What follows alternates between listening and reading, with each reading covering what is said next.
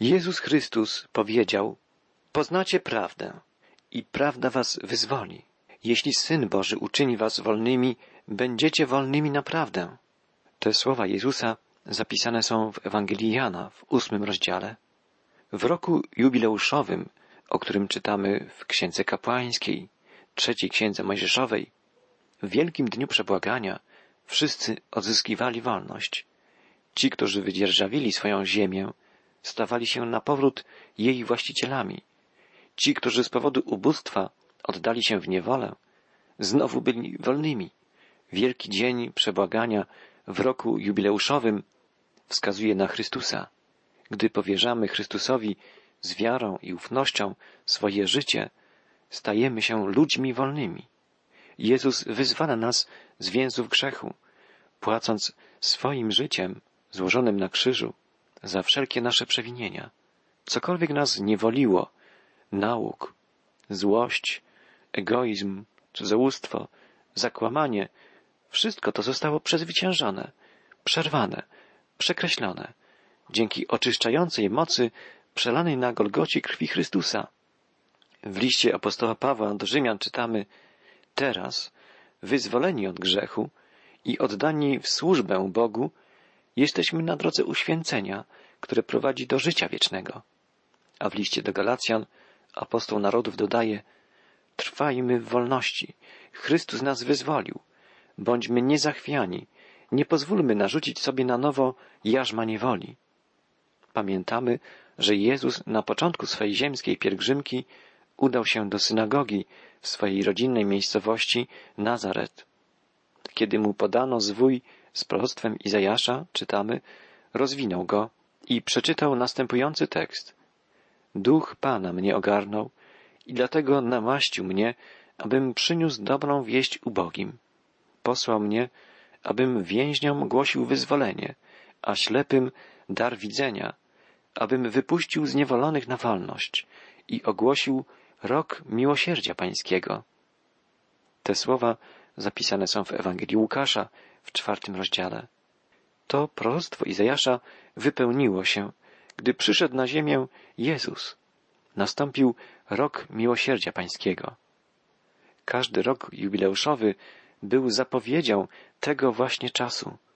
Pan Jezus przyszedł, żeby zwiastować Ewangelię ubogim, żeby wypuścić zniewolonych grzechem na wolność.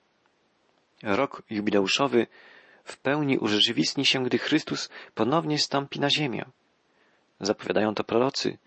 Izajasz, Jeremiasz, Micheasz.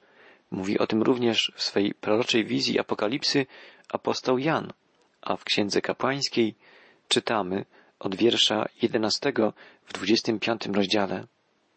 Cały rok pięćdziesiąty będzie dla was rokiem jubileuszowym. Nie będziecie siać, nie będziecie rządź tego, co urośnie, nie będziecie zbierać nieobciętych winogron, bo to będzie dla was jubileusz, to będzie dla was rzecz święta. Wolno wam jednak będzie jeść to, co urośnie samo na polu. jeszcze raz Bóg zapewnia, że zatroszczy się o każdą potrzebę ludzi, którzy mu zaufają. W tym roku jubileuszowym każdy powróci do swej własności, czytamy. Kiedy więc będziecie sprzedawać coś bliźniemu albo kupować coś od bliźniego, nie wyrządzajcie krzywdy jeden drugiemu, ale odpowiednio do liczby lat, które upłynęły od jubileuszu, będziesz kupował od bliźniego, a on sprzeda tobie odpowiednio do liczby lat plonów. Im więcej lat pozostaje do jubileuszu, tym większą cenę zapłacisz. Im mniej lat pozostaje, tym mniejszą cenę zapłacisz, bo ilość plonów on ci sprzedaje. Nie będziecie wyrządzać krzywdy jeden drugiemu. Będziesz się bał Boga Twego, bo ja jestem Pan, Bóg Wasz. Będziecie wykonywać ustawy moje i przestrzegać wyroków moich, wprowadzając je w życie, abyście mieszkali w kraju bezpiecznie. Ziemia da wam plon, będziecie jedli do sytości, będziecie mieszkali na niej bezpiecznie. Jeżeli zaś powiecie, co będziemy jedli w siódmym roku, jeżeli nie będziemy siali ani zbierali plonów, ześlę wam błogosławieństwo w szóstym roku, także plony wystarczą na trzy lata. W ósmym roku będziecie siać i będziecie jeść z dawnych plonów, aż do dziewiątego roku, aż do nowych plonów będziecie jedli dawne plony. Nie wolno sprzedawać ziemi na zawsze, bo ziemia należy do mnie, a wy jesteście u mnie przybyszami i osadnikami.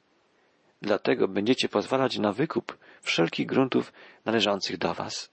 Bóg wyraźnie naucza, że wszelkie transakcje kupna i sprzedaży ziemi powinny być przeprowadzane bardzo uczciwie. Ziemia ma ostatecznie wrócić w ręce pierwotnego jej właściciela. To ma zapobiec skupieniu zbyt wielkiego majątku w rękach najbogatszych, a zrujnowaniu biednych. Bóg wzywa wszystkich do przestrzegania zasad uczciwości i sprawiedliwości. Przypomina, że tak naprawdę to On jest właścicielem całej ziemi. Bóg obiecuje Izraelitom, że będzie im błogosławił. Plon szóstego roku będzie tak obfity, że żywności wystarczy na siódmy szabatowy rok, na ósmy jubileuszowy rok i aż na dziewiąty rok, pierwszy rok nowego cyklu, w którym ziemia znów zacznie przynosić nowe, pełne zbiory. Izraelici mają pamiętać o słowach Pana. Nie wolno sprzedawać ziemi na zawsze, bo ziemia należy do mnie, a wy jesteście u mnie przybyszami i osadnikami. Jeżeli twój brat zubożeje, czytamy dalej, i sprzeda swoją posiadłość, wtedy wystąpi jego najbliższy krewny jako wykupujący i odkupi ziemię sprzedaną przez brata. Jeżeli zaś kto nie ma wykupującego, ale sam zdobędzie dostateczne środki na wykup, to obliczy lata od czasu sprzedaży, zwróci nabywcy gruntu nadwyżkę i wróci do swej posiadłości. Pomiędzy jednym a drugim rokiem jubileuszu był długi odstęp czasu, pięćdziesiąt lat. Jeśli ktoś z właścicieli ziemskich z powodu ubóstwa stracił swoją ziemię krótko po roku jubileuszowym, mógł nie dożyć do następnego jubileuszu. Bóg sformułował więc jeszcze jedną zasadę, chroniącą ziemię przed wyprzedażą obcym przybyszom. Jeśli którykolwiek z krewnych zmarłego był na tyle zamożny, by wykupić ziemię, miał prawo pierwokupu i mógł w ten sposób sprawić, że wracała ona do rodziny pierwszego właściciela. Taką właśnie sytuację opisuje na przykład Księga Rut. A w Księdze Kapłańskiej czytamy dalej Jeżeli jednak nie będzie miał dostatecznych środków na wykup, w takim razie grunt pozostanie we władaniu nabywcy aż do roku jubileuszowego. W roku jubileuszu grunt przejdzie znowu w posiadanie dawnego właściciela. Nawet jeśli nikt z rodziny nie był w stanie wykupić ziemi, wracała ona ostatecznie do pierwszego właściciela, jednak dopiero po pięćdziesięciu latach, gdy nadszedł następny rok jubileuszu. Jeżeli kto sprzeda dom mieszkalny, czytamy dalej, położony w mieście otoczonym murami, to będzie miał prawo do wykupu aż do końca roku sprzedaży. Prawo wykupu będzie trwało cały rok. Jeżeli dom nie będzie wykupiony przed upływem roku, w takim razie dom zbudowany w mieście warownym przejdzie na zawsze w posiadanie nabywcy i jego potomków. Nie wyjdzie z ich rąk w roku jubileuszowym. Domy we wsiach, które nie są otoczone murami, będą traktowane na równi z własnością gruntową, a więc będą podlegały wykupowi, a w roku jubileuszowym wyjdą z rąk nabywcy. Co się tyczy miast lewickich, to lewitom zawsze przysługuje prawo wykupu domów, które posiadają. Jeżeli kto kupi od lewitów dom miejski, to posiadłość ta wyjdzie z jego rąk w roku jubileuszowym, bo domy miast lewickich są ich posiadłością pośród Izraelitów. Także i pole położone koło ich miast nie będzie podlegało sprzedaży, bo ono jest ich posiadłością wieczystą. Inne zasady, jak widzimy, regulowały kupno i sprzedaż domów mieszkalnych. Jedynie wiejskie domostwa były traktowane tak, jak własność ziemska. Lewici byli w tym przypadku uprzywilejowani, gdyż jako plemię kapłanów poświęcające się służbie dla Pana byli najbardziej narażeni na utratę swojej własności. Dalej czytamy, jeżeli brat twój zubożeje i ręka jego osłabnie, to podtrzymasz go, aby mógł żyć z tobą przynajmniej jak przybysz lub osadnik. Nie będziesz brał od niego odsetek ani lichwy. Będziesz bał się Boga swego i pozwolisz żyć bratu z sobą. Nie będziesz mu dawał pieniędzy na procent. Nie będziesz mu dawał pokarmu na lichwę. Bóg nie pozwala na wykorzystywanie niepowodzeń bliźnich. Przeciwnie, wzywa do udzielenia im pomocy, do zatroszczenia się o ich byt. Dalej czytamy, ja jestem Pan, Bóg wasz, który wyprowadził was z ziemi egipskiej, aby dać wam ziemię Kanaan i aby być waszym Bogiem. Jeżeli brat z powodu ubóstwa sprzeda się tobie, nie będziesz nakładał na niego pracy niewolniczej. Będziesz się z nim obchodził jak z najemnikiem albo jak z osadnikiem. Będzie służyć tobie tylko do roku jubileuszowego. Wtedy wyjdzie od ciebie razem ze swymi dziećmi i wróci do swojej rodziny, do posiadłości swoich przodków, bo oni są moimi niewolnikami, których wyprowadziłem z ziemi egipskiej. Nie powinni więc być sprzedawani jak niewolnicy.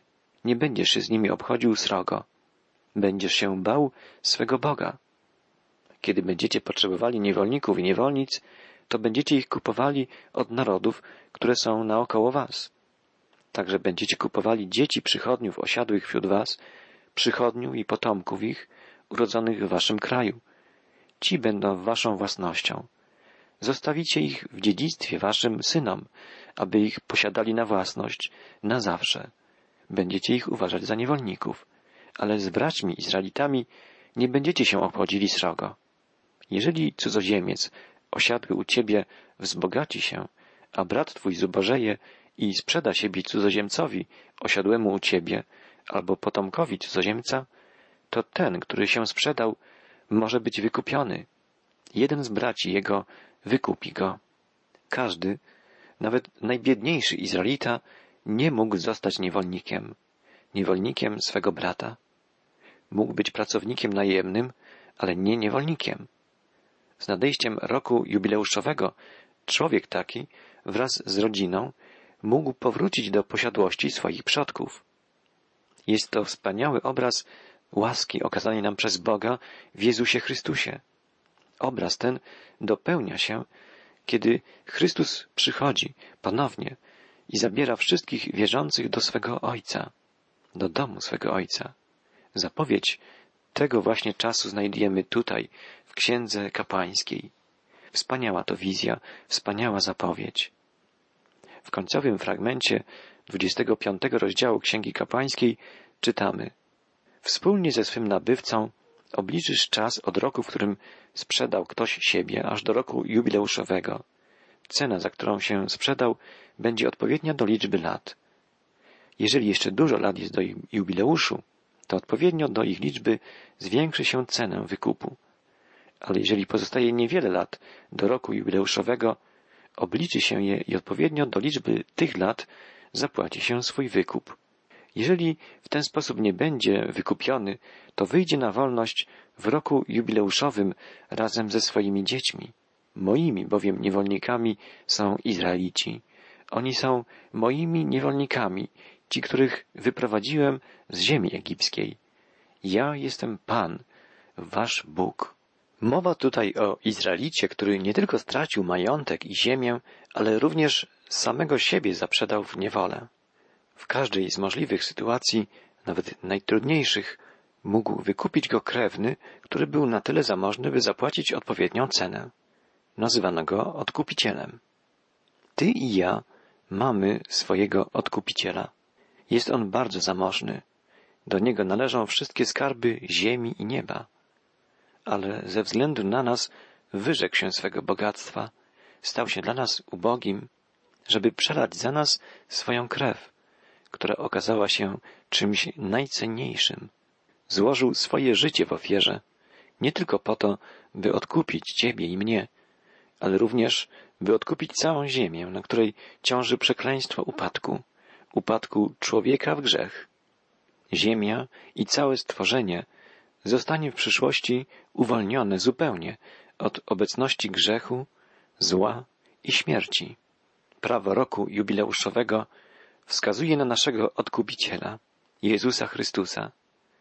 Prorocza zapowiedź roku jubileuszowego dopełni się, gdy Chrystus powróci na ziemię. Profetyczną wizję rozwija następny rozdział Księgi Kapłańskiej, rozdział 26. Jest to niezwykły i piękny fragment trzeciej księgi Mojżeszowej. Zawiera historyczne proroctwo o czasach końca. Dotyczy okresu czasu biegnącego od momentu wkroczenia Izraela do ziemi obiecanej poprzez czasy współczesne nam, aż do wydarzeń czekających nas w trakcie końcowych odsłon historii świata. W 26 rozdziale Księgi Kapłańskiej nie znajdziemy symbolicznych obrazów charakterystycznych dla całej księgi, tylko słowa samego Boga. Słowa skierowane bezpośrednio do narodu izraelskiego, słowa mówiące o przyszłości Izraela. Jest to rozdział, który moglibyśmy nazwać rozdziałem jeżeli.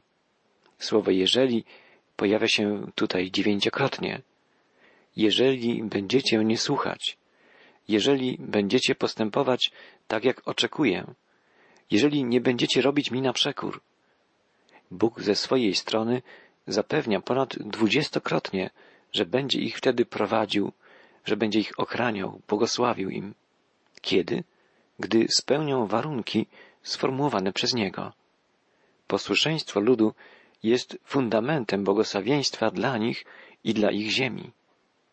26 rozdział Księgi Kapłańskiej jest nie tylko kalendarium historii Izraela, ale również barometrem błogosławieństwa, które spotka Boży lud, jeśli będą posłuszni Panu, lub które ich nie spotka, gdy będą Mu nieposłuszni. Przeczytajmy dwa pierwsze wiersze 26 rozdziału Księgi Kapłańskiej. Nie będziecie sobie czynili bożków, nie będziecie sobie stawiali posągów ani stel, nie będziecie umieszczać w waszym kraju kamieni rzeźbionych, aby mi oddawać pokłon, bo ja jestem Pan, Bóg wasz. Strzec będziecie moich szabatów, czcić będziecie mój święty przybytek. Ja jestem Pan. Te dwa wiersze odnoszą się do pierwszej części dekalogu. Dotyczą relacji człowieka z Bogiem. Ta sfera życia Izraela ma fundamentalne znaczenie dla ich bytu w ogóle. Odziedziczyli oni ziemię obiecaną im przez Boga i teraz ich powodzenie, ich sukcesy, ich rozwój, ich zwycięstwo, ich radość zależą od tego, czy będą Bogu posłuszni. Mają więc po pierwsze wystrzegać się tworzenia sobie bożków. Hebrajskie słowo oznaczające bożka to elilim, czyli nic. Cokolwiek miałoby zająć miejsce Boga jest niczym. Izraelici nie mogą oddawać czci niczemu. Jak wielu ludzi odkrywa dzisiaj, że gdy usunie się Boga na bok i próbuje się zastąpić go czymś lub kimś innym, trafia się w próżnię. Odczuwa się pustkę, której nic nie może wypełnić. Po drugie, Izraelici mają przestrzegać szabatów. I po trzecie, mają czcić przybytek, w którym objawia się święty Bóg. Te trzy polecenia wyrażają atrybuty Boga i jego pragnienie utrzymywania trwałej więzi z człowiekiem. Dalej czytamy, jeżeli będziecie postępować według moich ustaw i będziecie strzec przykazań moich i wprowadzać je w życie, dam wam deszcz w swoim czasie. Ziemia będzie przynosić plony, drzewo polne wyda owoc, młocka przeciągnie się u was aż do winobrania, winobranie aż do siewu, będziecie jedli chleb do sytości, będziecie mieszkać bezpiecznie w swoim kraju. Bóg po raz pierwszy mówi tutaj jeżeli jeżeli będziecie postępować według moich ustaw, strzec moich przykazań i wprowadzać je w życie, dam wam deszcz w swoim czasie, będziecie jedli chleb do sytości, udzielę waszemu krajowi pokoju. Właściwie jest to wszystko to, o co zabiegają narody świata, również dzisiaj. Dostatek, powodzenie, bezpieczeństwo. Bóg składa Izraelitom obietnicę, że ochroni ich przed wszelkimi nieszczęściami, przed wrogami, przed dzikimi zwierzętami, przed suszą. Obiecuje, że będą mogli udawać się na spoczynek spokojnie, bez obawy o plony ziemi, o bezpieczeństwo granic. Bóg jednak szanuje ich wybór. Nie narzuca im swojej woli. Mówi, jeżeli będziecie mi posłuszni, wtedy spocznie na was moje błogosławieństwo. Posłuszeństwo względem Boga jest warunkiem uzyskania Jego błogosławieństwa. Postępowanie według Jego woli, wprowadzanie w życie Jego ustaw jest tym, czego On od nas oczekuje. Bóg nie żąda od nas posłuszeństwa. Pragnie, byśmy z własnej woli, uznając to za dobro, za coś najlepszego, zaczęli stosować się w życiu na co dzień do Jego poleceń. Bóg nie stworzył nas podobnych do automatów. Dał nam wolną wolę. Bóg jest miłością i dał nam zdolność kochania. Automat nie może kochać. Jedynie osoba wolna, posiadająca własną wolę, zdolna jest do miłości. Bóg jako osoba, która jest miłością, pragnie trwać w więzi z człowiekiem, czyli z kimś zdolnym do miłości. Osoba, która pokocha Boga, będzie żyć zgodnie z Jego przykazaniami, bo dostrzeże, że jest to coś najlepszego, coś najbezpieczniejszego i najbardziej satysfakcjonującego dla niej. Boże przykazania nie będą wtedy dla takiej osoby, która kocha Boga ciężarem, ale dobrem, pomocą, drogowskazem. W przytoczonym fragmencie 26 rozdziału Księgi Kapłańskiej czytaliśmy o deszczu jako pierwszym znaku Bożego błogosławieństwa. Podobnie prorokował Ezechiel, gdy w imieniu Pana przepowiadał Złożę na nich i na otoczenie mojego wzgórza błogosławieństwo i spuszczę na nich deszcz we właściwym czasie, a będzie to deszcz błogosławieństwa. Wtedy drzewa leśne wydadzą swój owoc, a ziemia wyda swoje plony. Będą bezpiecznie mieszkać na swojej ziemi i poznają, że ja jestem Pan, gdy połamię drążki ich jarzma i wyratuję ich z ręki ciemieńców. Już nie będą łupem narodów, ani dzikie zwierzęta nie będą ich pożerać. Prorok Ezechiel przekazuje także słowa Pana wskazujące na Chrystusa, dzięki któremu Boże obietnice dane Izraelowi wypełnią się. Ustanowię nad nimi jednego pasterza, mojego sługę Dawida, i będzie pazł je, i będzie ich pasterzem. Ja, Pan, będę ich Bogiem, a mój sługa Dawid będzie księciem wśród nich. Ja, Pan, to powiedziałem. Moimi owcami jesteście, owcami mojego pastwiska, a ja jestem waszym Bogiem, mówi wszechmocny Pan.